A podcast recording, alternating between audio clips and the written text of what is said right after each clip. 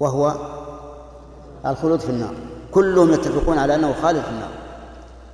واختلفوا في الحكم الدنيوي. فالخوارج قالوا هو كافر حلال الدم حلال المال ولذلك قاتلوا المسلمين واستحلوا دماءهم وأموالهم.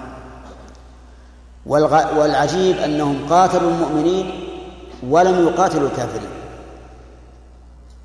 لأن المؤمنين عندهم مرتدون والمرتد في زعمهم أعظم من الكافر الأصلي لأن الكافر الأصلي يمكن إقراره بالجزية والمرتد لا يمكن إقراره بالجزية. فلهذا قالوا نقاتل هؤلاء المرتدين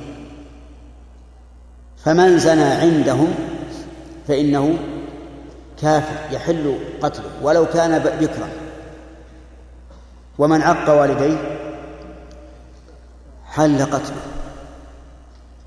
ومن ارتاب الناس وكان ذلك عندهم كبيرا حل قتله.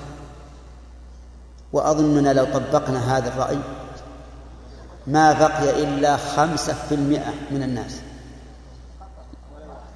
نعم؟ في الغيبة. أو واحد في المئة. مشكل على كل حال هذا النوع من الشفاعة وهو الشفاعة في من دخل النار أن يخرج منها هذا معدوم عند المعتزلة والخوارج. لماذا؟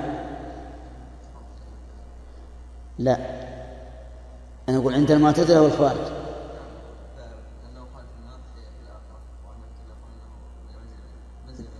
طيب المهم بأنه خالد في النار.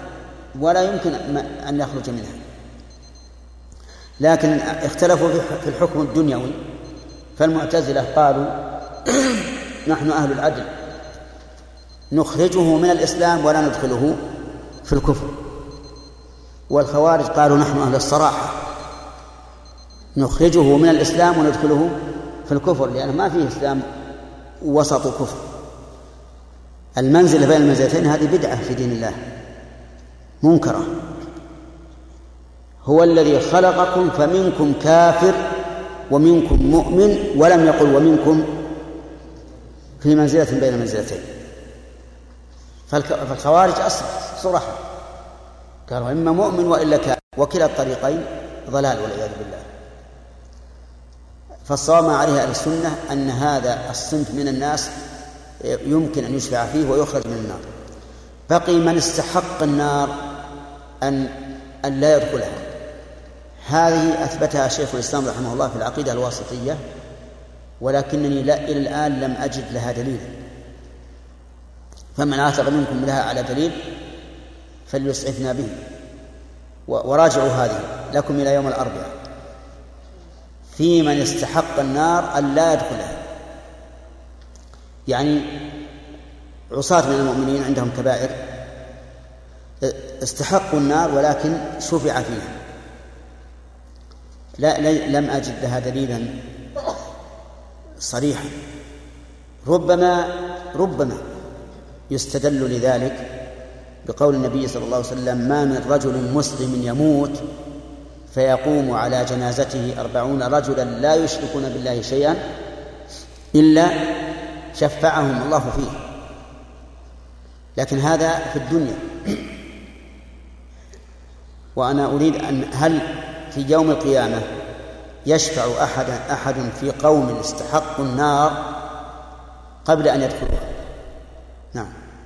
هذه إن شاء راجعوها ويوم الأربعاء هو الميعاد بيننا وبينكم إن شاء الله تعالى.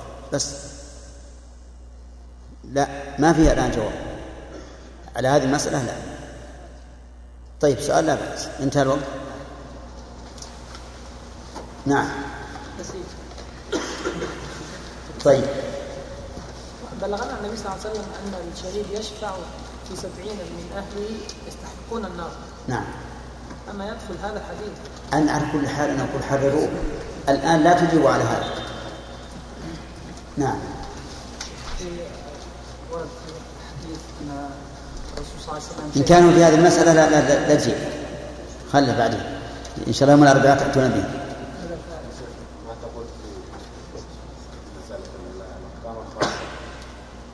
عائشه في البخاري يعني امراه حذيفه ارضعت مولى حذيفه وكان كبيرا يعني يدخل عليها يعني مع انه الرضاع بعد سنتين لا لا لا يجوز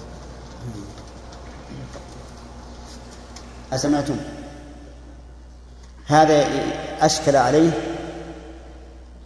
في القاعدة التي ذكرنا أنه لا يوجد حكم شرعي يختص بالشخص لعينه وإنما يختص به لوصفه. عرفت؟ طيب. آه نقول أورد علينا قصة سالم مولى أبي حذيفة. وكان هذا قد تبناه أبو حذيفة رضي الله عنه. تبناه. ولما أبطل الله التبني بقي هذا. المولى في البيت يدخل ويخرج فشق عليهم. دخوله وخروجه. فسألوا النبي صلى الله عليه وسلم عن ذلك فقال أرضعيه تحرمي عليه. وجه وجه الإشكال أن هذا خاص بسالم مولى أبي حذيفة مولى حذيفة. واضح؟ الجواب عن هذا الحديث. أولا التسليم بأن رضاع الكبير مؤثر كرضاع الصغير. وهذا مذهب الظاهرية. الظاهرية يقولون إن إرضاع الكبير مؤثر. كإرضاع الصغير لعموم قوله تعالى وأمهاتكم اللاتي أرضعنكم ولحديث سالم مولى أبي حذيفة مولى حذيفة. هو حذيفة ولا أبو حذيفة؟ نسيت. نعم. نعم. نقول سالم حتى نتذكر إن شاء الله. طيب. ويرون أيضا عن الظاهرية أن الرضعة الواحدة محرمة. وعلى هذا فإذا أرادت امرأة من شخص يتردد عليها أو لا يتردد أن يكون ولدا لها تعطيه فنجالا من حليبها ويكون ولدا لها.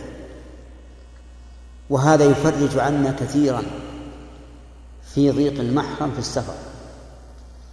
فإذا أرادت امرأة أن تحج أو أن تسافر وليس لها محرم تختار واحد من الشارع تقول تعال تفضل. وإذا عندها دلة من حليب من ثديها تصب له فنجالا واحدا فإذا شربه صار ولدا له. وقال يلا امشي. ناخذ تذكرة لي ولك. آه على كل حال هذا رأيهم.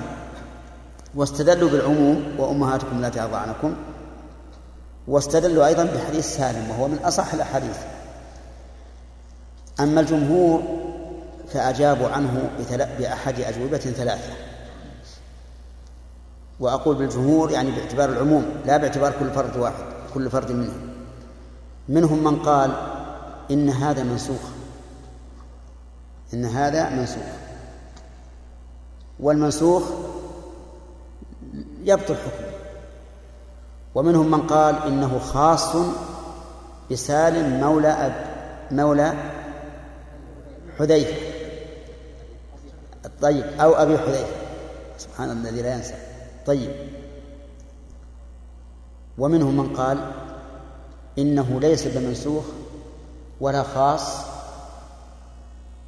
وأنه إذا وجدت حال كحال سالم فإن إرضاع الكبير يحرم. لكن ما هي الحال؟ هل هي مطلق الحاجة أو الحاجة التي تنبني على التبني؟ نعم إذا قلنا بالثاني صار العمل بهذا القول مستحيلا. مستحيلا. ليش؟ لأنه لا يمكن التبني الآن. فإذا قيل إن ضرورة دخول هذا الإنسان على أهل البيت وخروجه لا يمكن أن تكون مؤثرة إلا إذا كانت مبنية على تبني سابق. فهذا يعني أنه لا يمكن أن يعمل بهذا الحديث. وشيخ الإسلام رحمه الله مرة قال بهذا ومرة قال بمطلق الحاجة. ونحن نقول القول الأول أي قوله بهذا أنه خاص بمن تبني ثم احتيج إلى دخوله هذا مقبول لأن هذا هو الذي ينطبق تماما على القصة. وأما مطلق الحاجة ففيه نظر. ووجه النظر أن النبي صلى الله عليه وآله وسلم قال إياكم والدخول على النساء. وهذا تحذير. قالوا يا رسول الله أرأيت الحمو؟ يعني قريب الزوج كأخيه وعمه وما أشبه ذلك. وهذا يتكرر دخوله خصوصا الأخ يتكرر دخوله فقال الحمو الموت يعني احذروا منه أكثر من غيره. فروا منه كما تفرون من الموت. لو كان لو كانت الحاجة مبيحة للإرضاع المحرم لكانت هذه حاجة. ولقال النبي عليه الصلاة والسلام الحم ترضعه فتحرم عليه. كما قال لامرأة حذيفة أو أبي حذيفة أرضعيه تحرم عليه. فلما لم يعدل فلما لم يعدل الرسول عليه الصلاة والسلام إلى هذا الحل مع دعاء الحاجة إليه علم أنه إيش؟ لا لا لا يؤثر. يعني مطلق الحاجة لا تؤثر. فنحن مع الشيخ في التعليل الأول أنه إذا وجدت حاجة سببها التبني حينئذ يجوز الإرضاع وإذا لم توجد فإنه لا يجوز الإرضاع وعلى هذا فيكون العمل بهذا الحديث الآن ليس ممكن. ويكون الآن نقول لا بد من أن يكون الإرضاع في في وقته. طيب وعلى هذا التقدير هل هنا هل يكون هناك خصوصية شخصية؟ لا لأنه لو وجد أحد مثل سالم لقلنا لا بأس. ترضعه المرأة ويحرم عليها. طيب. خلاص؟ وكل إنسان. بسم بسم الله الرحمن الرحيم. بسم الله الرحمن الرحيم. الحمد لله رب العالمين وصلى الله وسلم على نبينا محمد وعلى آله وأصحابه ومن تبعهم بإحسان إلى يوم الدين. سبق لنا أن الشفاعة تنقسم إلى قسمين شرعية وشركية وأن الشرعية تنقسم إلى قسمين عامة وخاصة. فالعامة لجميع الخلق الصالحين والخاصة بالنبي صلى الله عليه وآله وسلم. وأن الخاصة بالنبي صلى الله عليه وسلم ثلاثة أنواع الشفاعة العظمى والشفاعة في أهل الجنة يدخل الجنة والشفاعة في عمه أبي طالب. وأن الشفاعة العامة نوعان الأولى في من دخل النار أن يخرج منها والثانية في من استحقها أن لا يدخلها. وكلفنا بعضكم يأتي لنا بالأدلة الدالة على النوع الثاني وهي الشفاعة في من استحق النار أن لا يدخلها فمن الذي انتدب لذلك؟ ها؟ كيف؟ نعم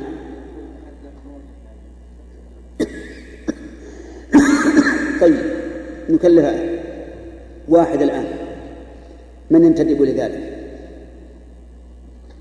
يلا عباس إلى إلى يوم السبت إن شاء الله. لأن غدا ما في دراسة الضحى غدا إن شاء الله في دراسة بعد الفجر. طيب. وسبق لنا أن الشفاعة الشركية هي ما ادعاه المشركون بآلهتهم حيث قالوا ما نعبدهم إلا ليقربونا إلى الله. وأن هذه الشفاعة ليست مقبولة لأن من شرط الشفاعة أن يرضى الله سبحانه وتعالى عن الشافع وعن المشفوع له. إذ لا يمكن إذنه تعالى بالشفاعة إلا بهذين الشرطين. فالشروط إذن ثلاثة رضا الله عن الشافع ورضاه عن المشروع له وإذنه وإذنه بالشفاعة. طيب. ثم انتقل المؤلف رحمه الله إلى النهاية. نهاية نهاية البشر. وبهذه المناسبة أود أن أنبه إلى كلمة يقولها كثير من الناس ولكنهم لا يفهمون معناها. يقولون في الميت إذا مات ثم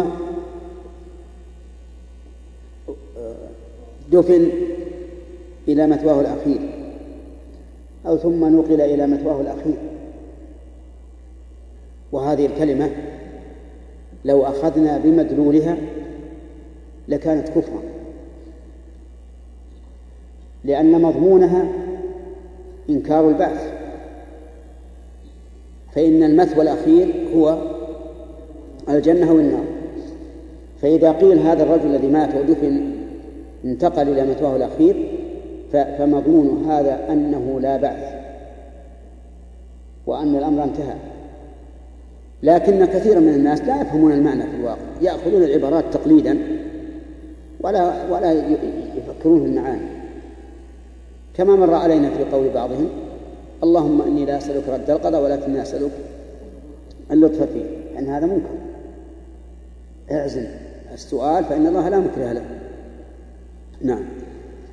أقول بعد ما يحصل في عرصات القيامة يؤول الناس إلى المثوى الأخير حقيقة وهو ما ذكره المؤلف في قوله في من الحر الآن؟ الآن؟ حر ولا زين؟ آه، يقول المؤلف رحمه الله وكل إنسان وكل جنة في دار نار أو نعيم جنة. كل إنسان يعني من بني آدم. وكل جنة يعني من الجن. والجن عالم الغيب مستترون عن الأعين وقد يبدون أحيانا وقد يتصورون بشكل حيوانات كما تشكل الجني في فراش الأنصاري في عهد النبي صلى الله عليه وسلم بشكل حية فإن شابا من الأنصار كان حديث عهد بعرس. فلما جاء إلى بيته وجد زوجته عند الباب. فقال لها ما شأنك؟ لماذا أنت عند الباب؟ قالت ادخل فدخل فإذا حية مطوية على فراشه. فأخذ الرمح فوخزها فماتت ثم مات هو في الحال. فما يدرى أيهما أسرع موتا الرجل أو الحية. لأن هذه الحية كانت جنية. فقتلها فقتله أهلها. ثم نهى النبي صلى الله عليه وسلم عن قتل الحيات التي تكون في البيوت حتى يحرج عليها ثلاثا. يعني يخاطبها ويقول أنت مني بحرج اخرجي. فإذا حرج عليها ثلاثا وعادت قتلها. لأنها إن كانت جنية فلن تأتي. يعني وإن أتت فقد أهدرت دمها. وإن كانت غير جنية فهي لا تفهم سوف تأتي فتقتل ولا ولا ضرر في قتلها. كل كل إذا الجن هم عالم غيبي مستترون عن الأعين وقد يبدون أحيانا في صور حيوان أو نحو ذلك. ثم إن هذا العالم أصلهم من النار لأن أباهم الشيطان إبليس وقد خلقه الله من نار. ثم إن هذا العالم فيهم الصالحون وفيهم دون ذلك وفيهم المسلمون وفيهم الكافرون. وإن كان أصلهم إبليس كافرا لكن فيهم المسلم فيهم الصالح فيهم طالب العلم فيهم العابد. نعم. يقول المؤلف رحمه الله كل إنسان وكل جنة في دار نار أو نعيم جنة يعني هذا مآل إما النار وإما الجنة ولا ثالث لهما. ودليل الأول في دار نار. قوله تعالى قال ادخلوا في أمم قد خلت من قبلكم من الجن والإنس في النار. قال ادخلوا في أمم قد خلت من قبلكم من الجن والإنس في النار. وهذا نص صريح في أن النار يدخلها أمم من الجن وأمم من الإنس. وهو محل إجماع من العلماء أن كافر الجن في النار ككافر الإنس. ويدل لهذا قوله تعالى في سورة الجن وأنا منا المسلمون ومنا يعني دليل آخر وأنا منا المسلمون ومنا القاسطون. فمن أسلم فأولئك تحروا رشدا وأما القاسطون فكانوا لجهنم حطبا. واضح؟ عجيب أن أن الكافر من الجن في النار بالنص والإجماع ولا خلاف في ذلك لكن المؤمن من الجن هل هو في الجنة؟ في هذا خلاف بين العلماء فمنهم من قال إن المؤمن من من الجن لا يدخل الجنة ولكن ينجو من النار وكفى بذلك راحة. لأنهم لما قالوا وأنا منا المسلمون ومنا القاسطون قالوا فمن أسلم فأولئك تحروا رشدا ولم يذكر ولم يذكروا جزاء لهم. وأما القاسطون فكانوا لجهنم حطبا. قالوا هؤلاء تحروا رشدا أي تحروا سلوكا طيبا ومعاملة حسنة. وهذا في الدنيا.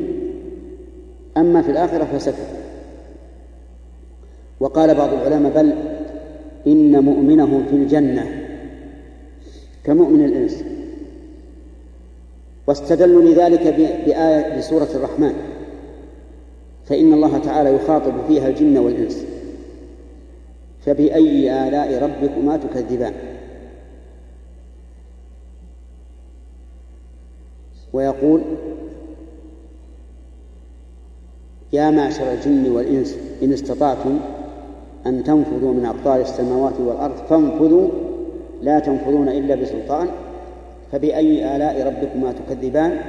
يرسل عليكما ثواب من نار ونحاس فلا تنتصران.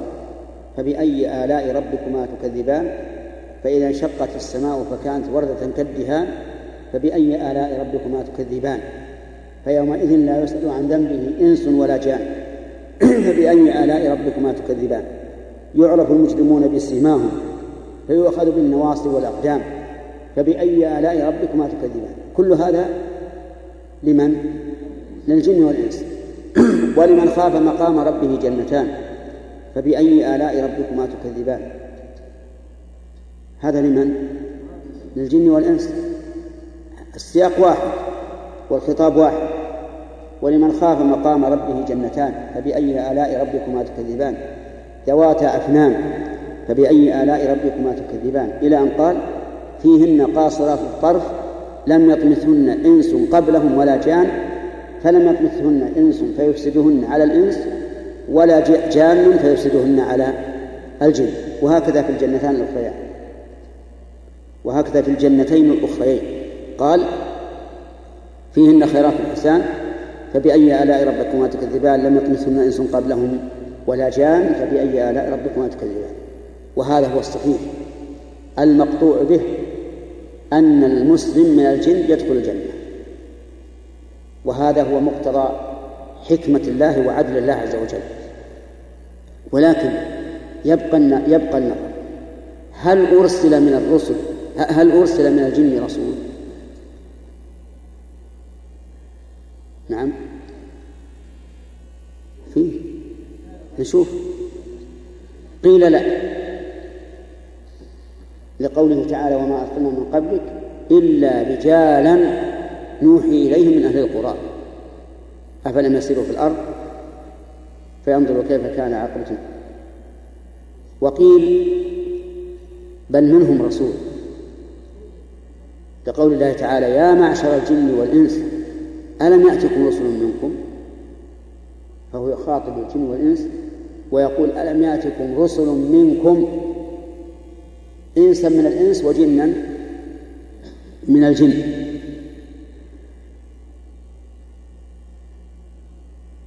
وأما قوله وما أرسلنا من قبلك إلا رجال نوحي إليهم من أهل القرى فإن الذكور من الجن يسمون رجالا. قال الله تعالى وأنه كان رجال من الإنس يعوذون برجال من الجن. الجن فيهم رجال كما في هذه الآية الكريمة وعلى هذا فلا يتم الاستدلال بقوله وما أرسلنا من قبلك إلا رجالا إليهم من أهل القرى. ويكون ظاهر قوله يا معشر الجن والإنس ألم يأتكم رسل منكم. أن من الجن رسل. وهذا موضع خلاف بين العلماء. والذين قالوا إنه ليس من الجن رسل أجابوا عن قوله تعالى يا معشر الجن والإنس ألم يأتكم رسل منكم. قال إن الخطاب باعتبار المجموع لا باعتبار الجميع فهو كقوله تعالى في البحرين يخرج منهما اللؤلؤ والمرجان. واللؤلؤ والمرجان لا يخرجان إلا من المالح على ما هو المشهور قالوا ولأن حكمة الله تأبى ذلك لأن الرسالة تشفيه وتكريم وتعظيم. والجن أصلهم منين؟ من النار. وأبوهم إبليس سيد المتكبرين وقائد الكافرين. فليس من الحكمة أن يكرم هؤلاء بالرسالة. وإنما يتلقون التعاليم من مما جاء إلى البشر. كما قال تعالى وإذ صرفنا إليك نفر من الجن يستمعون القرآن فلما حضروه قالوا أنصتوا فلما قضي ولوا إلى قومهم منذرين قالوا يا قومنا إنا سمعنا كتابا أنزل من بعد موسى مصدقا لما بين يديه يهدي إلى الحق وإلى طريق مستقيم. يا قومنا أجيبوا داعي الله وآمنوا به يغفر لكم من ذنوبكم ويجيركم من عذاب أليم. فقالوا إن إن الجن ليس منهم رسل لكن منهم نذر. نذر كما قال تعالى ولوا إلى قومهم منذرين فيتلقى هؤلاء النذر مما جاءت به الرسل وينذرون به قومه وينبني على ذلك هل ما يؤمر به الجن هو ما يؤمر به الإنس؟ يعني هل صلاتهم كصلاتنا وزكاتهم كزكاتنا وصيامهم كصيامنا وحجهم كحجنا؟ في هذا أيضا خلاف بين العلماء. فمنهم من قال إذا كان تلقيهم لما يقومون به من الشرائع مما جاءت به الإنس وجب أن يكون نفس ما جاء إلى الإنس. لأننا لا نرى فيما جاء به الإنس فصلا خاصا بالجن. بل نجد أن الأحكام واحدة. وعلى هذا فيكون ما أمر به الإنس هو ما أمر به الجن. ولا فرق. وقال بعض العلماء بل إنهما يفترقان. فليس ما أمر به الجن مساويا لما أمر به الإنس في الحد والحقيقة لأن جنس الجن ليس كجنس الإنس وإذا كان الإنس تختلف أحكامهم باختلاف أحوالهم فالمريض يصلي قاعدا مثلا والفقير لا زكاة عليه ومن لا يستطيع الحج لا حج عليه فكذلك الجن لا يمكن أن يكلفوا إلا بما يناسب حالهم. وتكون العمومات الدالة على على ذلك مثل لا يكلف الله نفسا إلا وسعها وما أشبهها تقيد عموم تكليفهم بشرائع الإنس. وهذا ما ذهب إليه شيخ الإسلام ابن تيمية رحمه الله. قال إن اختلافهم عن عن الإنس في الحد والحقيقة يقتضي أن لا يتساووا في التكليف. لأن حكمة الله تعطي كل مكلف ما إيش؟ ما يناسب حتى في البشر. وعلى كل حال نحن نؤمن بأن الجن مكلفون في الجملة وأن كافرهم يدخل النار وأن مؤمنهم يدخل الجنة أيضا. أما مسألة الرسالة وعدم الرسالة فقد تكون الأدلة متكافئة وإن كان الراجح أن أن الرسل من البشر وأما هل هم مساوون للإنس في الأحكام الشرعية فهذا محل توقف. إن نظرنا إلى عموم الأدلة قلنا هم إيش؟ مساوون للإنس. وإن نظرنا إلى الحكمة في التشريع وأن الشرع يختلف باختلاف المكلف قلنا لا بد أن يكون لهم شرع خاص بهم. وهذا الشرع الخاص بهم وإن كنا لا نجده مثلا في الكتاب ولا في السنة لكن يؤخذ من العمومات. مثل لا يكلف الله نفسا إلا وسعها. اتقوا الله ما استطعتم. فهم قد لا يستطيعون كل ما يستطيعه الإنس وقد لا يكون لهم عندهم كل ما عند الإنس. فتكون الأحكام خاصة بهم وهذا نقول الله أعلم. الله أعلم. الأدلة في هذا متكافئة وليس هناك دليل واضح على أن ما كلفوا به مساو لما كلف به الإنس أو مخالف. والمهم أن المؤلف يقول في دار نار أو نعيم جنة في دار نار بالإجماع بالإجماع مستنده ما النص. طيب أو أو نعيم جنة فيه خلاف والصحيح أنهم يدخلون الجنة. نعم.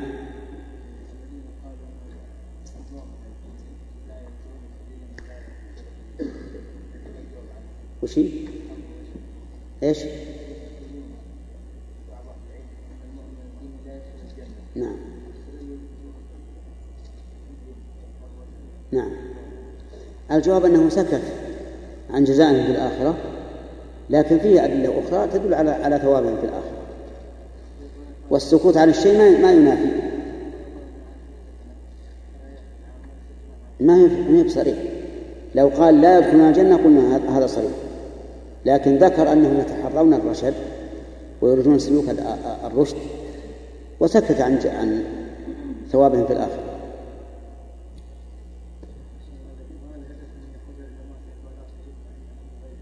إيش؟ هذا لا بد أن نتكلم فيه لأن لأنهم يدخلون الجنة. بأي على أي أساس يدخلون الجنة؟ أي لا بأس لا بأس. أقول البحث في هذا لا بأس به. وإن كان يعني لسنا ملزمين بأن بأن لكن افرض أنهم جو يتحاكمون عنده وش تسوي؟ نعم؟ جاءوا بواحد منهم قالوا هذا ترى ما يصلي. وش تقول؟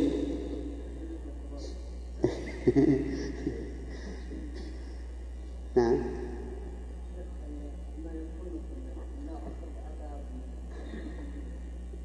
كيف؟ إي. نعم.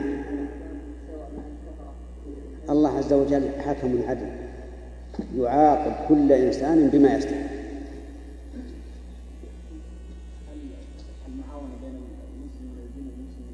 التعاون بينهما. إذا أمكن لا بأس. هو لا بد من شرطين ذكرهما شيخ الإسلام رحمه الله. قال الاستعانة بالجن جائزة بشرطين. أن لا يكون الطريق الموصل إليها محرما. وأن لا يستعين بهم على شيء محرم. فإن كانت الطريقة محرمة بأن قالوا لا نعينك حتى تسجد لنا مثلا. نعم. وهذا لا يمكن أن يقع من مؤمن الجن. لأن مؤمن الجن لا يمكن أن, أن يأمر بالشرك لكن قد يكون مؤمنا أو قد يكون مسلما وعنده فسق فيقول مثلا للمرأة لا أعينك حتى تمكنيني من نفسي أو يكون بعد عنده فاحشة باللواط ويقول للشاب لا أعينك حتى تمكنني من نفسي فهذا حرام لا يجوز. أو يستعين بهم على شيء محرم بأن يقول إيتوا أحضروا لي مال فلان. أحضروا لي مال فلان. فيذهبون ويأتون بمال فلان إليه. هذا حرام. لأنه يستعين بهم على إيش؟ على معصية على سرقة أموال الناس. لكن إذا استعان بهم على شيء مباح وبطريق مباح فيقول شيخ الإسلام إن إنه لا بأس بذلك. عرفت؟ وش الفرق؟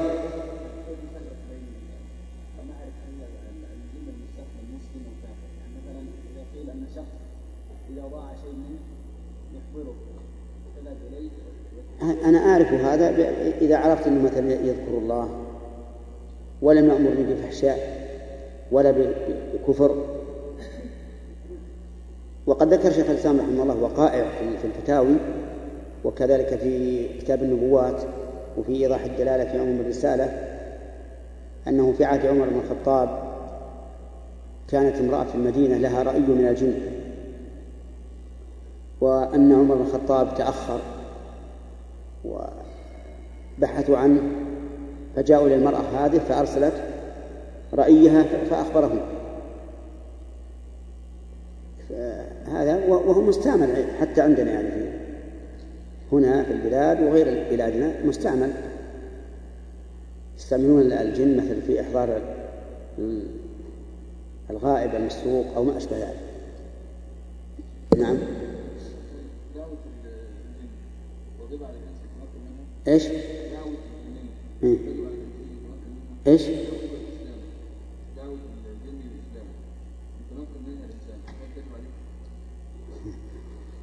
بس هل يمكن هل يمكن هذا؟ أي؟ طيب إذا كان هذا واقع واقع فالواقع ما يمكن إنكاره.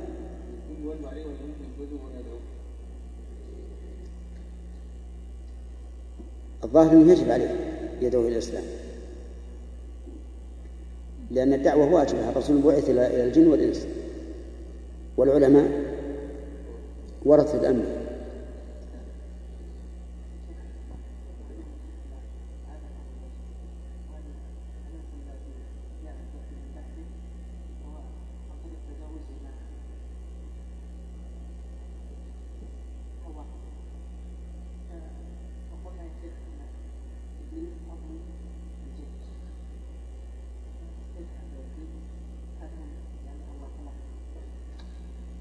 يعني هل منهم إناث؟ الجن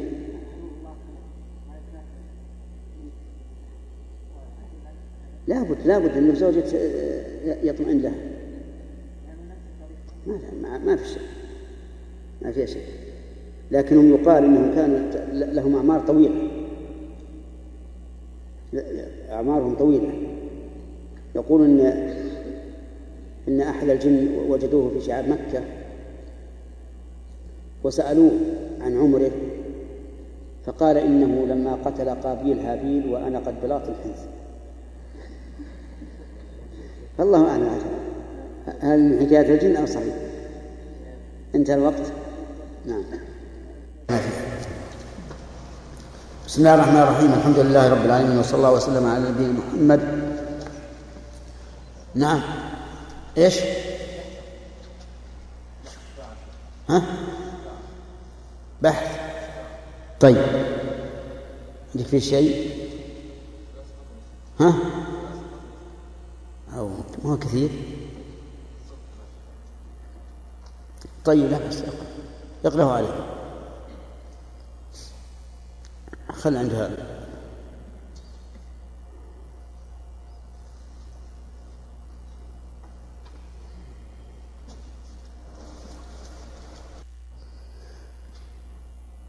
طيب.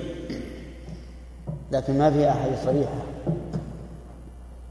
في الصحيحين ويقال أن هذا هذه الأحاديث يعضد بعضها بعضا وتنقلهم لها بالقبول وتفريعهم عليها يدل على أن لها أصلا. نعم. أحسن. بارك الله فيك. بسم الله الرحمن الرحيم. بسم الله الرحمن الرحيم. سبق لنا أن الجن والإنس مصيرهم إما إلى جنة وإما إلى نار. فما هو دليل مصير الجن إلى النار؟ نعم.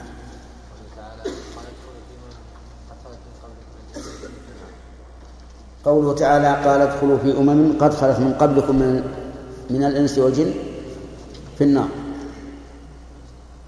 نعم قوله تعالى وأما القاسطون فكانوا لجهنم حطبا. هذا قول الجن. طيب. الآية.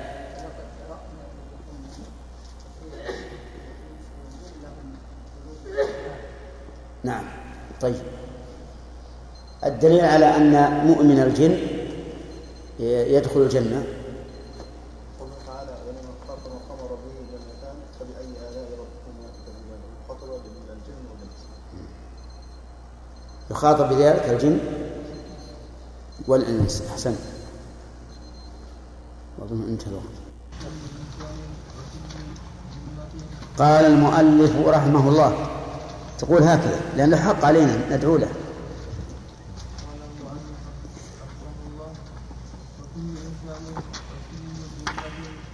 في دار نعيم مال أو نعيم جنة ثم مصير الخلق من كل الورى فالنار دار من تعذب الثرى فمن حظ بذنبه لم يخلد لم يخلد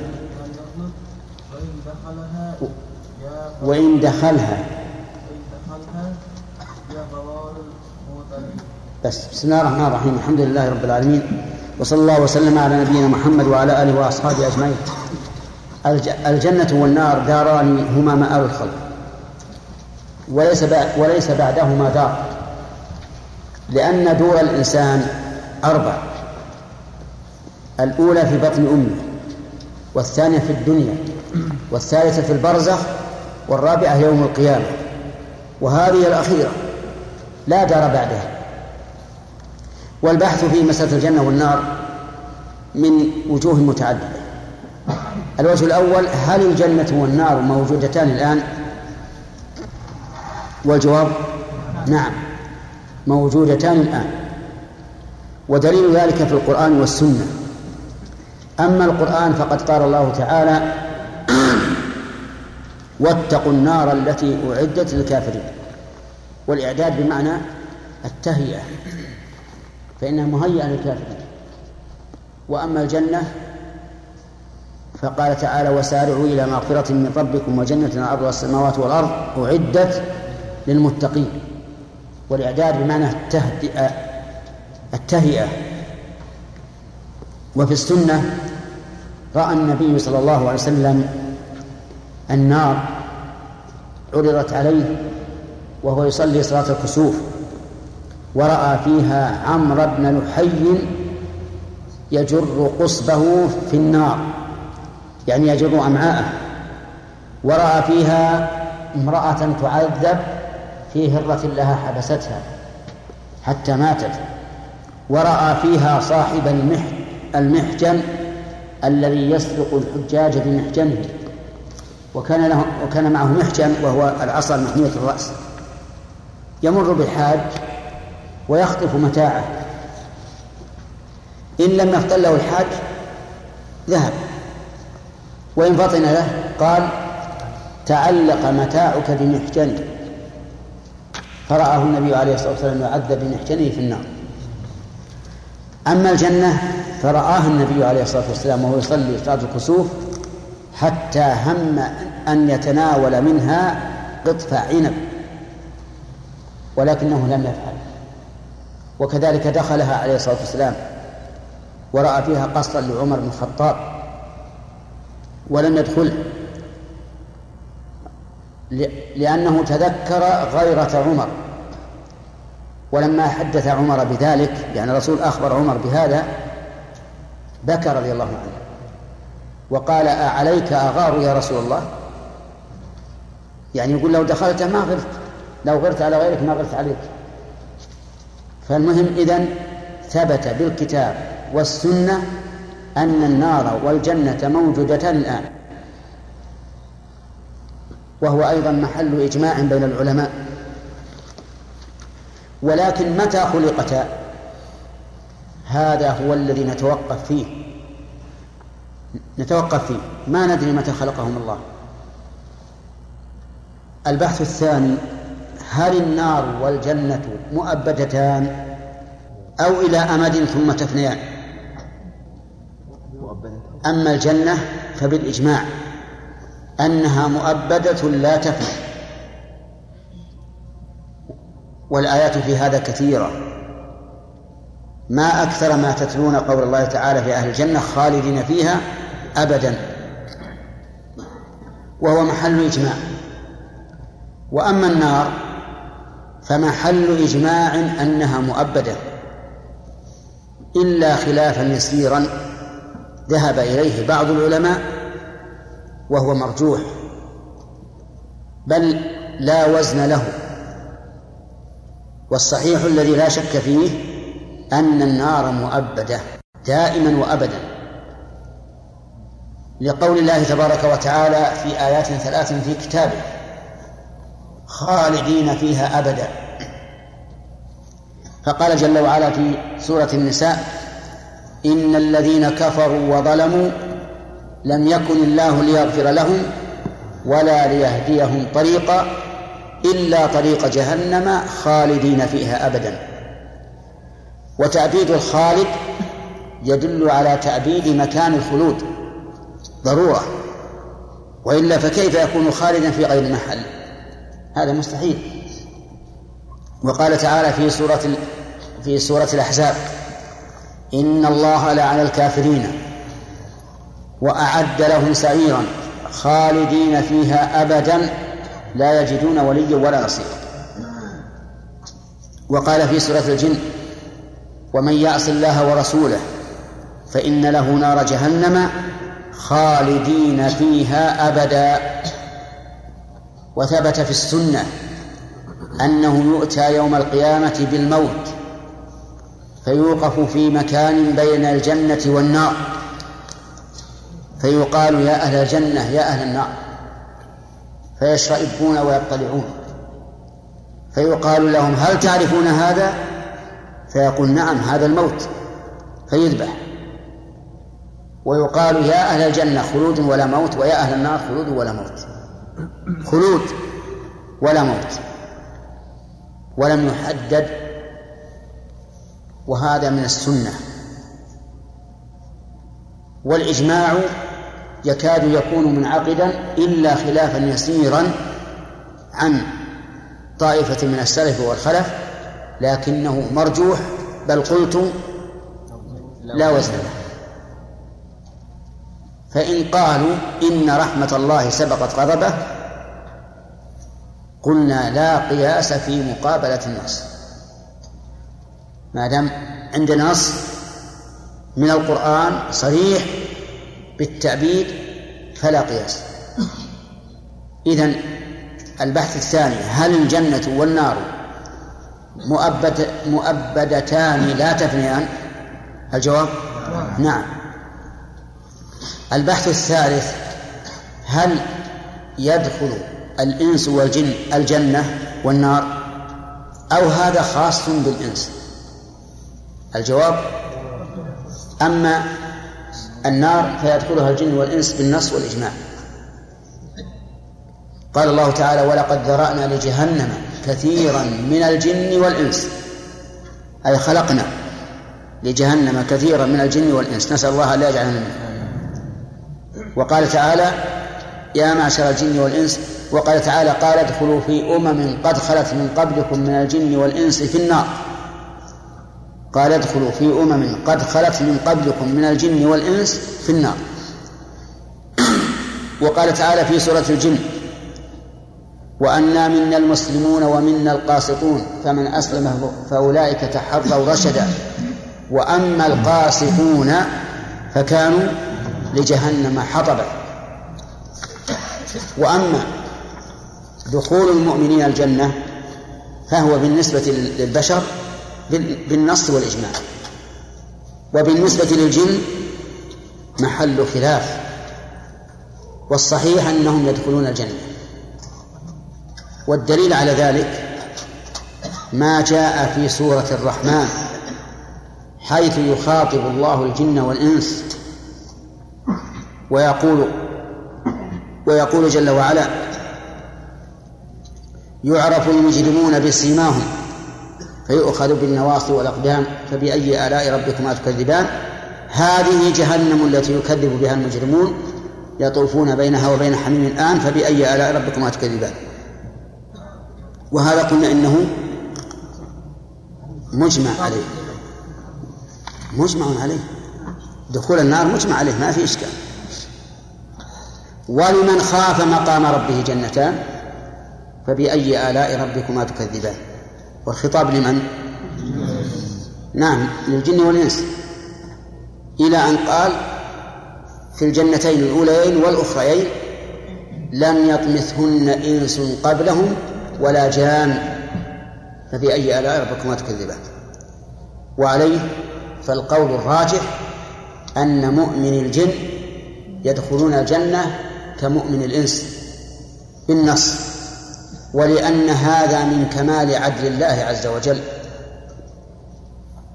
من كمال عدله أن من من عمل ابتغاء ما وعد به من الثواب فلا بد أن يحقق الله له الثواب.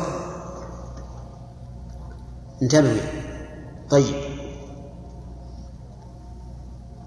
ولأن هذا مقتضى قوله تعالى في الحديث القدسي إن رحمتي سبقت غضبي والذين يقولون إن كافر الجن يدخل النار ومؤمنهم لا يدخل الجنة يجعلون غضبه سبق إيش؟ رحمته كيف نقول هؤلاء إذا عملوا بما يقتضي الرحمة فإنهم لا لا يعطون الرحمة وإذا عملوا بما يقتضي العذاب فإنهم يعذبون أين سبق الرحمة للغضب؟ واضح يا جماعة؟ طيب. فإن قيل ما تقولون في قوله تعالى فمن أسلم فأولئك تحروا رشدا. وفي قوله تعالى يا قومنا أجيبوا داعي الله وآمنوا به يغفر لكم من ذنوبكم ويجيركم من عذاب أليم. ولم يقولوا ويدخلكم الجنة. فالجواب أن السكوت عن عن الشيء لا يلزم منه انتفاء الشيء لأن عدم الذكر ليس ذكرا للعدم.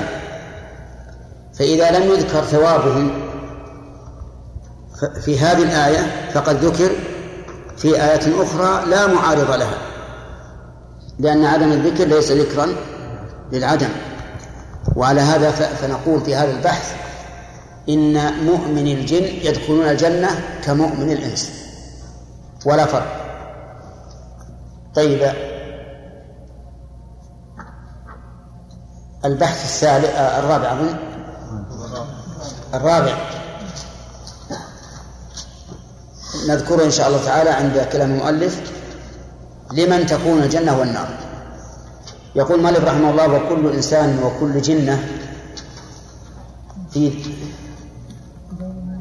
في دار نار أو نعيم جنة. كل إنسان وكل جنة يعني كل واحد من الجن.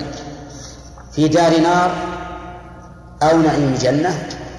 إذا كلام المؤلف صريح في أن مؤمن الجن في أن الجن يدخلون الجنة وكذلك يدخلون النار وكذلك الإنس هما أي الجنة والنار أي النار والجنة مصير الخلق من كل الورى. هما مصير الخلق. ليس ليس هناك دار ثالثة. حتى أصحاب الأعراف الذين يوقفون في مكان بين الجنة والنار مآلهم إلى إلى الجنة ولا بد. لا يمكن لأحد من الوراء إلا أن يكون إما في جنة وإلا في في نار. قال وقول من كل الوراء يريد به الخصوص أي يريد به الإنس والجن. أما الملائكة فلا يدخلون النار. الملائكة لا يدخلون النار. لكنهم في الجنة مسخرون لأهل الجنة يدخلون عليهم من كل باب.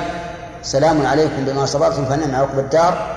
وهناك ملائكة لا نعلم الله أعلم مصيرهم. لكننا نعلم أنهم لن يدخلوا النار. قال فالنار دار من تعدى وافترى. النار دار من تعدى الحدود وافترى الكذب. فمن أشرك فهو متعدي ومفتري أو غير مفتري. مفتري. ومفتري أيضا. لأن إشراكه بالله يقتضي أنه يقول بلسان حاله أو لسان مقاله إن مع الله إلها آخر وهذا افتراء. وما زعم أن أن لله ولدا فهو متعد مفتري. وعلى هذا فيكون التعدي والافتراء متلازمين. لكن الافتراء يلزمه التعدي بكل حال. والتعدي لا يلزمه الافتراء بلسان المقال ولكن يلزمه الافتراء بلسان الحال. ويتضح هذا بالنسبة للمفتري أن يقال إن المفتري متعدي ولا شك لأن الإنسان لو تقول على بشر لقيل إنه متعد عليه فكيف إذا تقول على رب العالمين؟ أما المعتدي فقد يعتدي بغير افتراء لكن لسان حاله يقول إنه مفتري نسأل الله أن يعيننا وإياكم من التعدي والافتراء ثم انتقل المؤلف إلى من يدخل الجنة النار ولا يخلف فيها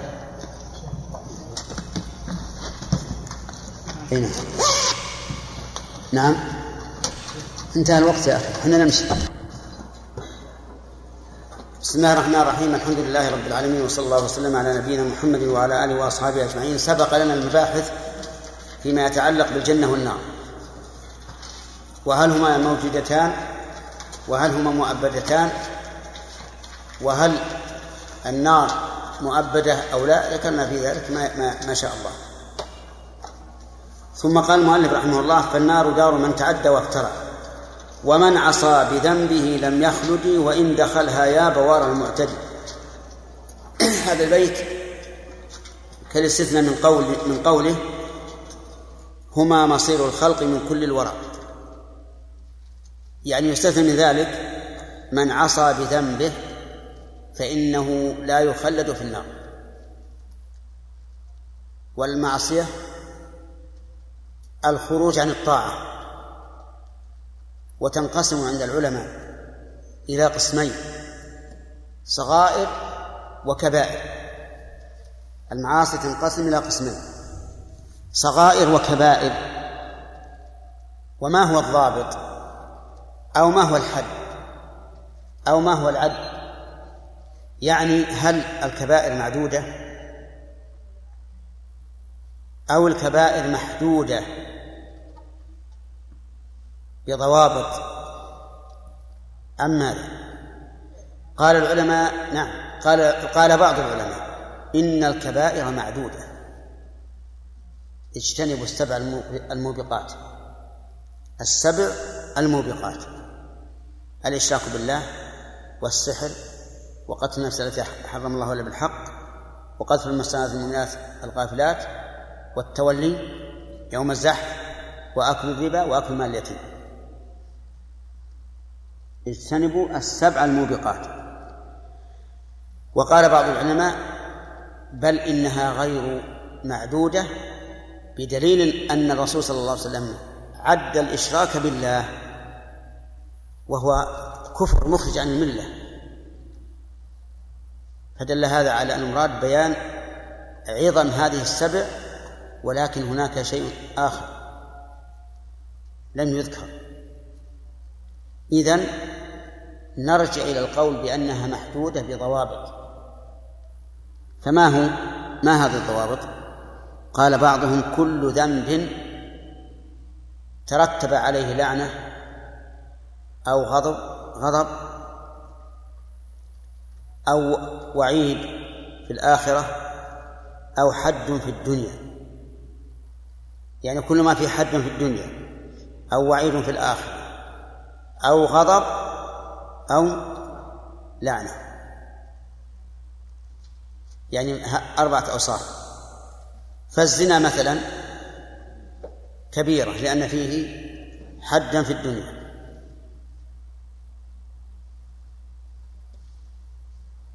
الإسبال كبيرة لأن فيه وعيدا في الآخرة. آه، قتل النفس كبيرة لأن فيه لعنة وغضبا. وهلم جرى. خذ هذا الضابط. وقال شيخ الإسلام رحمه الله الكبيرة ما ترتب عليه عقوبة خاصة. يعني ما جعل أن ما جعل الله أو رسوله عليه عقوبة خاصة. أي عقوبة؟ دنيوية أو دينية أو أخروية. فهمتم؟ وذلك لأن المعاصي إما أن تقع منهيا عنها أو محرمة وما أشبه ذلك فهذه تكون صغيرة. ولا يبدين زينتهن إلا لبعولتهن هذه صغيرة.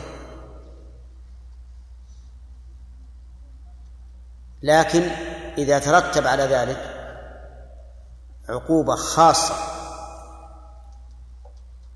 كحد في الدنيا وعيد في الآخرة لعنة غضب نفي إيمان تبرؤ منه أي شيء يذكر له عقوبة خاصة دينية أو دنيوية أو أخروية فإنها من كبائر الذنوب. لا يؤمن أحدكم حتى يحب لأخيه ما يحب لنفسه. هذه من الكبائر؟ إذا لم تحب لأخيك ما تحب لنفسك الجواب نعم. لأن الرسول صلى الله عليه وسلم نفى الإيمان عن من لم يحب لأخيه ما يحب لنفسه. وهذا الضابط ضابط حسن. ضابط حسن وبه يمكن أن تميز بين الصغائر والكبائر. فما جاء مرتبا عليه عقوبة خاصة فهو كبير. وما جاء منهيا عنه أو ذكر فيه التحريم. أو لا ينبغي أو ما أشبه ذلك فهذه من صغائر الذنوب. المعاصي نعود مرة ثانية.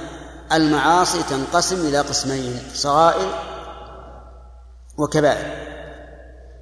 والفرق بينهما من حيث الحقيقة والماهية هو ما ذكره شيخ الإسلام ابن تيمية لأن النفس تطمئن إليه. أما من حيث الحكم فالفرق بينهما أن الصغائر تكفرها الصلاة والصوم والوضوء والصدقة والتسبيح وما أشبه ذلك مما ورد عن النبي صلى الله عليه وآله وسلم. أما الصغائر فلا فلا بد فيها من توبة. نعم أما الكبائر فلا بد فيها من توبة. فلا بد فيها من توبة. ولا تمحي عن الإنسان إلا بتوبة. هذا هو الأصل. الفرق الثاني من حيث الحكم. الكبائر بمجرد فعلها يخرج الإنسان من دائرة العدالة إلى دائرة الفسق. أي أنه يكون فاسقا بمجرد فعل الكبيرة. ما لم يتب. والصغائر لا يخرج من دائرة العدالة إلى دائرة الفسق إلا بالإصرار. عليها. فإذا أصر عليها صار فاسقا لا عدلا فصار الفرق بينهما من وجهين. الوجه الأول أن الصغائر تقع مكفرة بالأعمال الصالحة والكبائر لا بد فيها من توبة. الفرق الثاني الكبائر يخرج بها الإنسان من دائرة العدالة إلى دائرة الفسق بمجرد الفعل. والصغائر لا يخرج منها من دائرة العدالة إلى دائرة الفسق إلا بالإصرار عليها. حلق اللحية كبيرة أو صغيرة؟ صغيرة. لكن إذا أصر عليه صار كبيرا شرب الدخان صغيرة. فإذا أصر عليه صار كبيرا هذا بقطع النظر عما يحدث في قلب الفاعل. لأنه أحيانا يقترن بفعل الصغيرة يقترن بها شيء من الاستخفاف بأوامر الشرع والاستهانة بها وحينئذ تنقلب الصغيرة إيش؟ كبيرة تنقلب الصغيرة كبيرة من أجل الاستخفاف بأوامر الشرع وربما تكون الكبيرة الصغيرة مثل أن يفعلها الإنسان مع الخجل من الله عز وجل ورؤيتها أمام عينه دائما فهذا تنقلب إلى صغيرة وربما يكون فعله هذا أو شعور هذا ربما يكون شعور هذا توبة. واضح يا جماعة؟ نعم. ذكرنا قبل قليل أن الكبائر لا بد فيها من توبة. فهل يعني ذلك أن الإنسان لا بد أن يعاقب عليها؟ لا. لكن إذا فعلها يستحق العقوبة ما لم يتب والصغائر لا قد تقع مكفرة بالأعمال الصالحة. أما الكبائر فنقول يستحق العقوبة عليها إلا بتوبة. صح ولا أما نفس العقوبة فإن الله يقول إن الله لا يغفر أن يشرك به ويغفر ما دون ذلك لمن يشاء. وعلى هذا ففاعل الكبيرة إذا لم يتب فهو على على خطر لأنه يقال له ما الذي أعلمك أنك داخل في المشيئة؟ وإلا فإن بعض الناس إذا نهيته عن الكبيرة قال يا أخي سبحان الله ما تقرأ القرآن؟ قلت بلى أقرأ القرآن. إن الله لا يغفر أن يشرك به ويغفر ما دون ذلك لمن يشاء. شوف كيف تمنيه نفسه. طيب. هل قال ويغفر ما دون ذلك مطلقا؟ ولا قيده بالمشيئة؟ لمن يشاء. وما الذي أعلمك أنك ممن دخل في المشيئة؟ ربما تكون ممن لا يشاء الله أن يغفر له فأنت على خطر. ثم قد يقال إن قوله لمن يشاء أن هذا المستثنى هو الذي فعل الكبيرة على وجه الحياء من الله عز وجل والخجل. وصارت الكبيرة دائما في عينه. حينئذ تنقلب صغيرة ويدخل في المشيئة. قد يقال هذا وإن كان هذا خلاف ظاهر اللفظ. والحاصل نقول لهذا المفرط الذي منته نفسه ما لم يكن على علم من حصوله نقول له من قال إنك داخل في قوله لمن يشاء. طيب. يقول مؤلف من عصى بذنبه لم يخلد لم يخلد. من ما المراد بالمعصية؟ في كلام المؤلف هنا الكبائر. المراد الكبائر. لم يخلد وإن دخلها. في نسخة وإن يردها. يعني وإن وردها دخولا. لكن النسخة الصحيحة وإن دخلها. يعني وإن دخل النار فإنه لا يخلد لأنه لا يخلد فيها إلا الكافرون. ومن عصى بذنبه لم يخلد وإن دخلها يا بوار المعتدي. يا بوار المعتدي هذا نداء. يعني يا بوار المعتدي احضر لأن المعتدي أهل للبوار والبوار هو الهلاك. كما قال تعالى وأحلوا قومهم دار البوار دار الهلاك. يا بوار المعتدي. فمن المعتدي هنا؟ هل المعتدي العاصي الذي يدخل النار؟ أو المعتدي من يقول إن من دخل النار لا يخرج منها؟ أو أو هما جميعا؟ الظاهر الظاهر أنهما جميعا أو أن المراد المؤلف أو أن مراد المؤلف رحمه الله بالمعتدي المعتزلة والخوارج. لأن المعتزلة والخوارج يقولون من دخل النار ولو من أجل كبيرة فإنه لا يخرج منها ولكن يختلفون سعد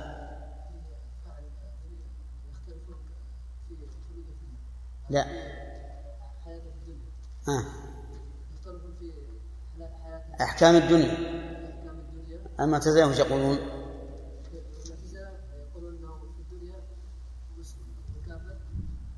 مسلم؟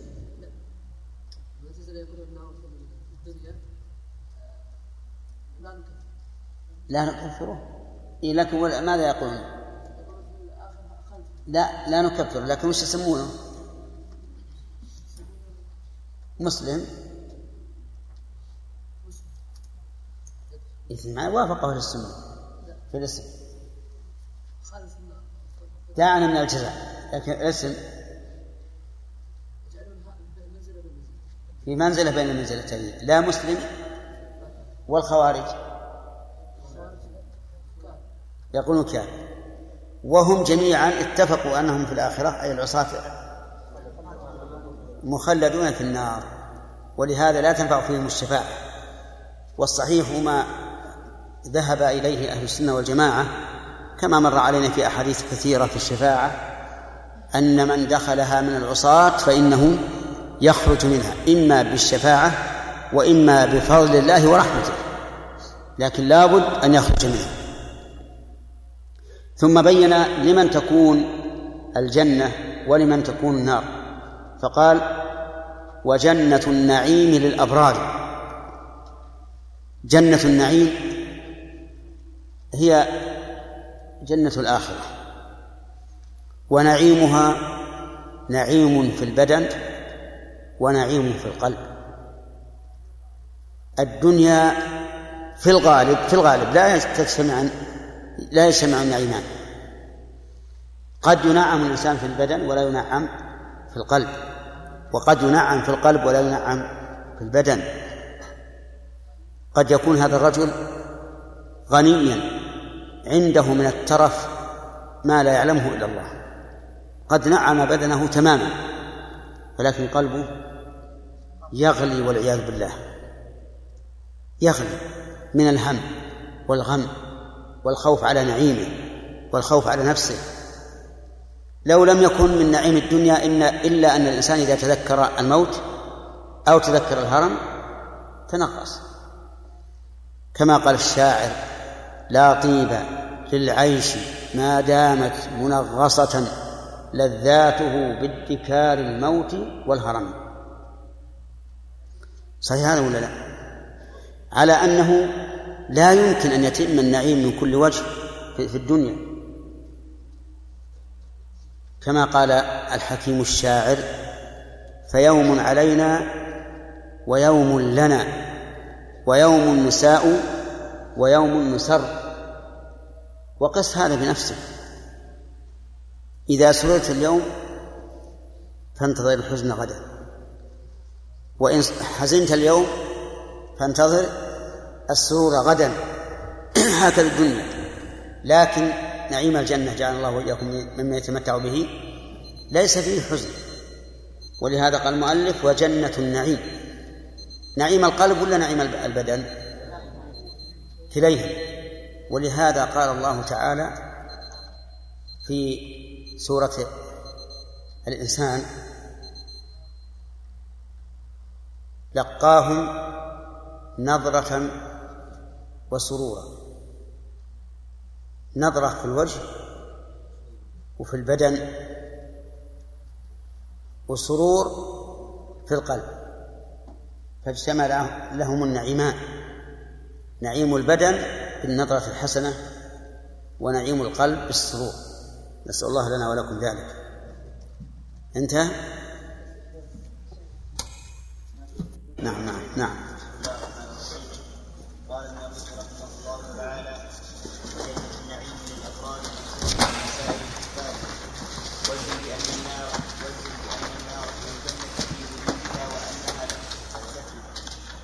ينظر فإنه ينظر بالأبصار كما أتى في النص والأخبار لأنه سبحانه لأنه سبحانه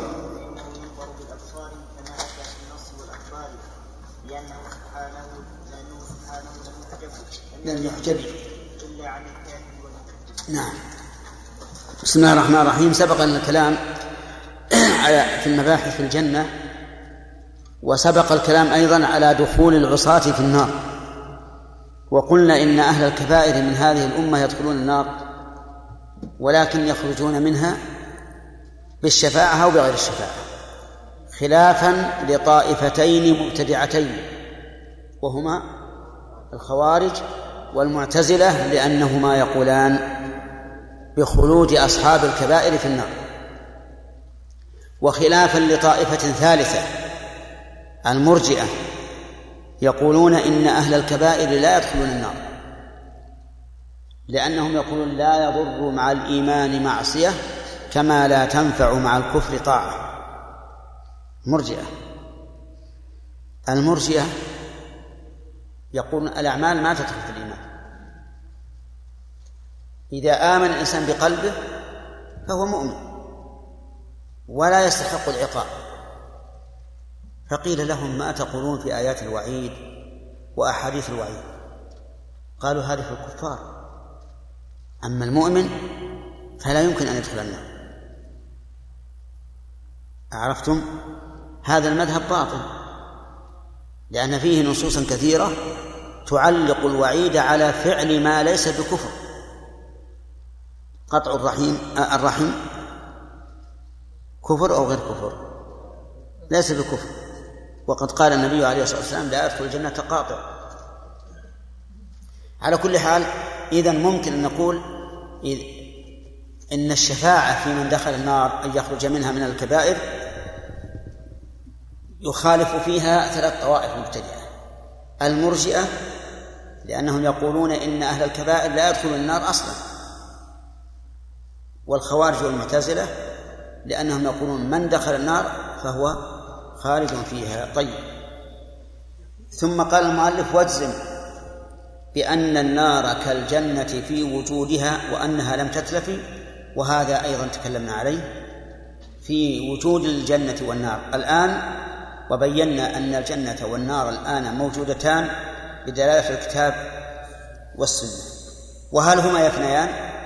ذكرنا أن القول الراجح أنهما لا يفنيان وأن الجنة محل إجماع من, من, من أهل السنة وأن النار فيها خلاف ضعيف ضعيف ضعيف والقائل به قليل فلا يعتد به ولا يلتفت إليه والصحيح الذي لا, لا شك فيه عندنا والذي ندين الله به ونعتقده بأن النار مؤبدة.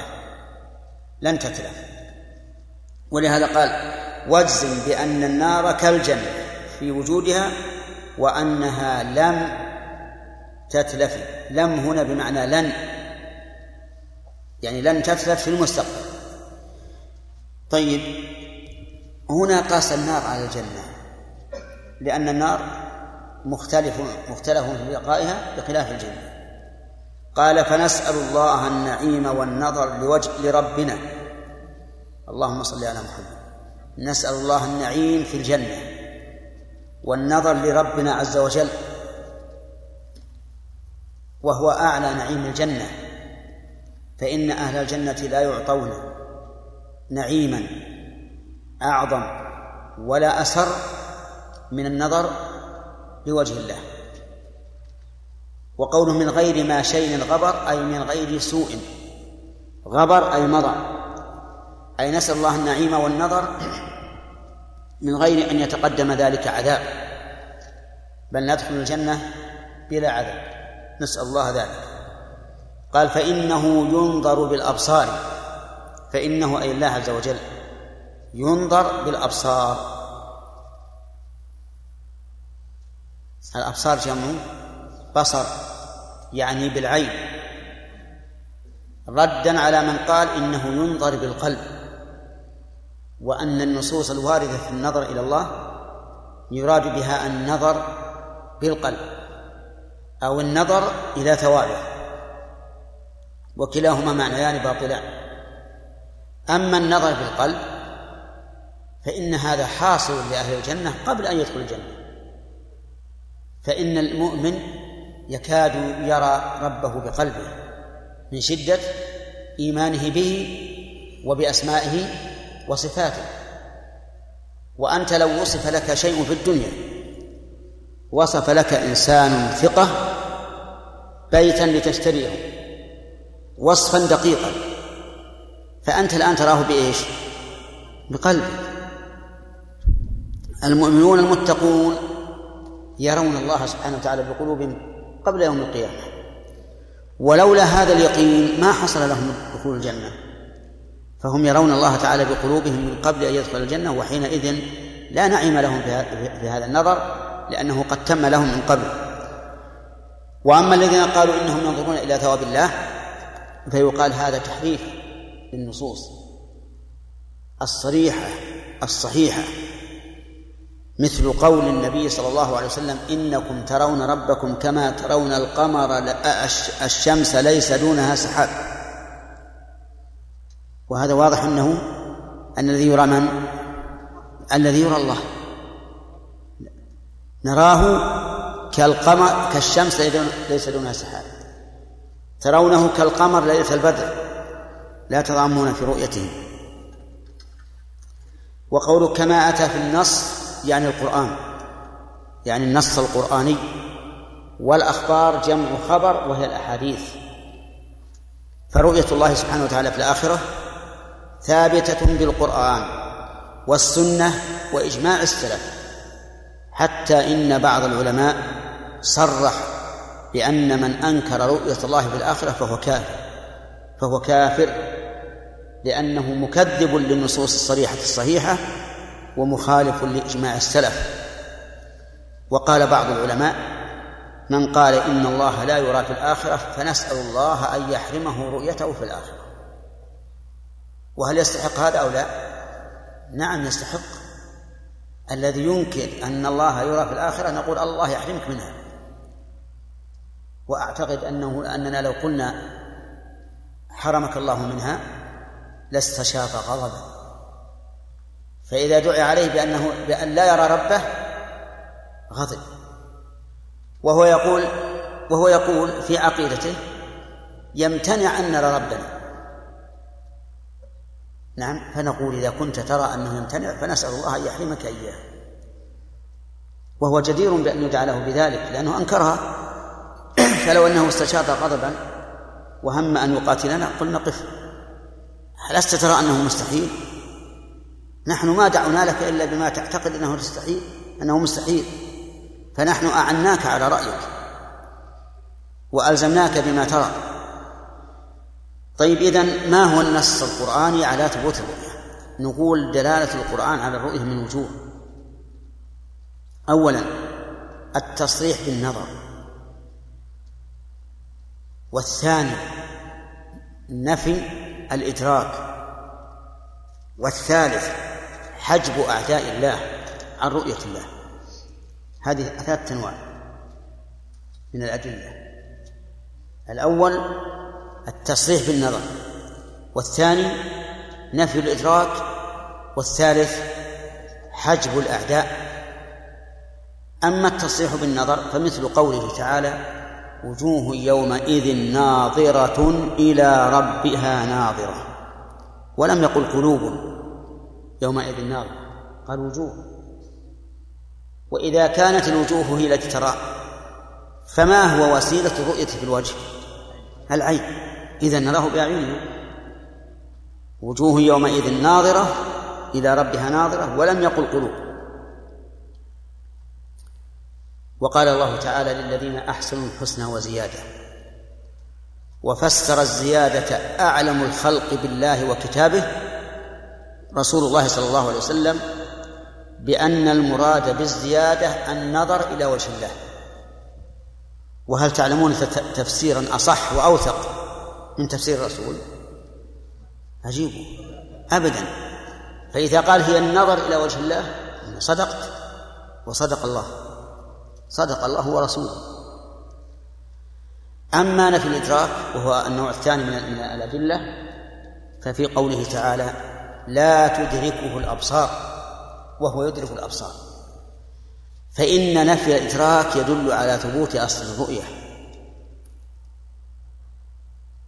يدل على ثبوت أصل الرؤية. لأن نفي الإدراك مع عدم ثبوت الرؤية إيش؟ لغو لغو من القول وفساد. إيش تقول لا تدرك الأبصار وهو لا يرى أصلا؟ هذا لا يمكن. فكونه يقول لا تدركه الأبصار يعني أنها لا تراه ولكن لا تدركه.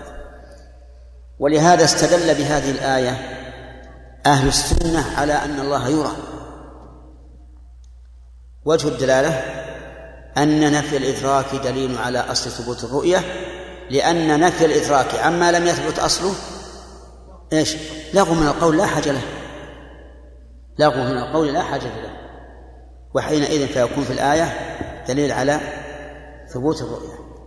والعجب أن الذين ينفون الرؤية يستدلون بالآية. يستدلون بالآية على أنه لا يرى. يقول لأن الله يقول لا تدركه. قلنا لهم الله يقول لا تدركه ولكن لم يقل لا تراه. وفرق بين الإدراك والرؤية. نحن الآن نعلم الله عز وجل لكن هل ندركه؟ ندرك حقيقة لا ونحن نعلمه. قولوا إذا أجل لا يعلم إن الله لا يعلم. وعلى هذا فالآية صريحة في أنها في أن الله يرى.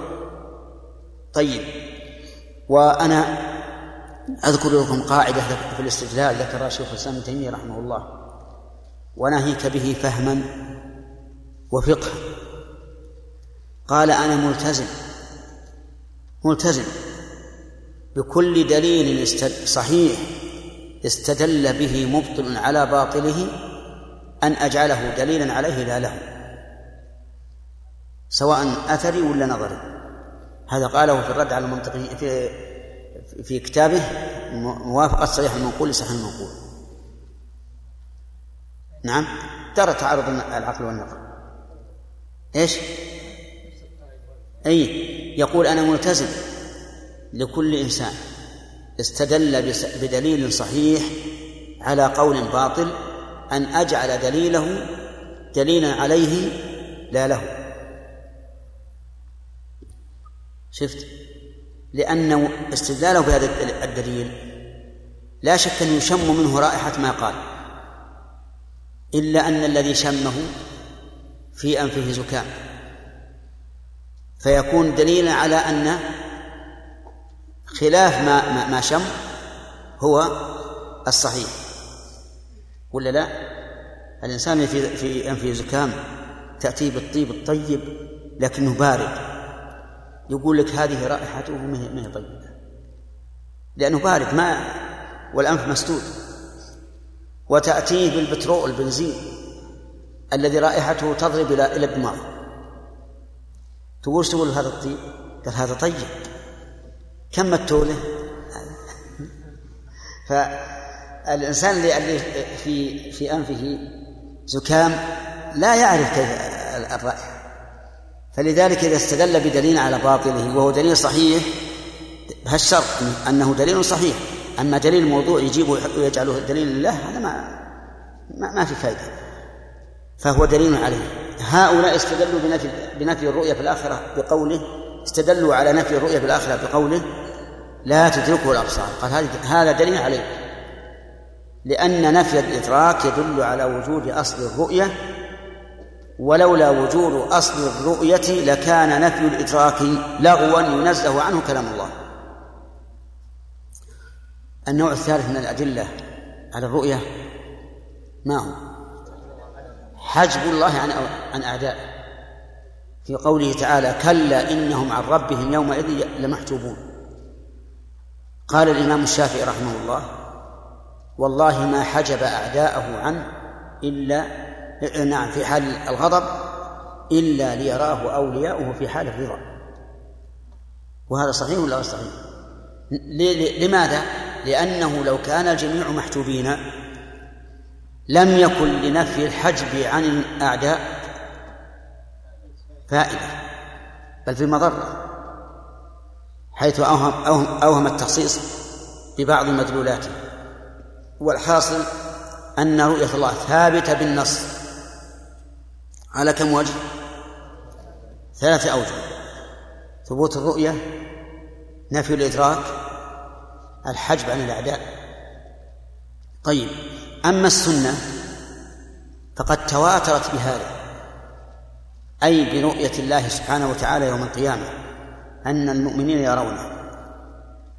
وعلى هذا قول الناظم ينظم ما بعض ما تواتر. يلا حسن. اسمك حسن؟ أنت؟ اسمك حسن. يلا يا سعيد. أنشد البيتين في بعض ما تواتر.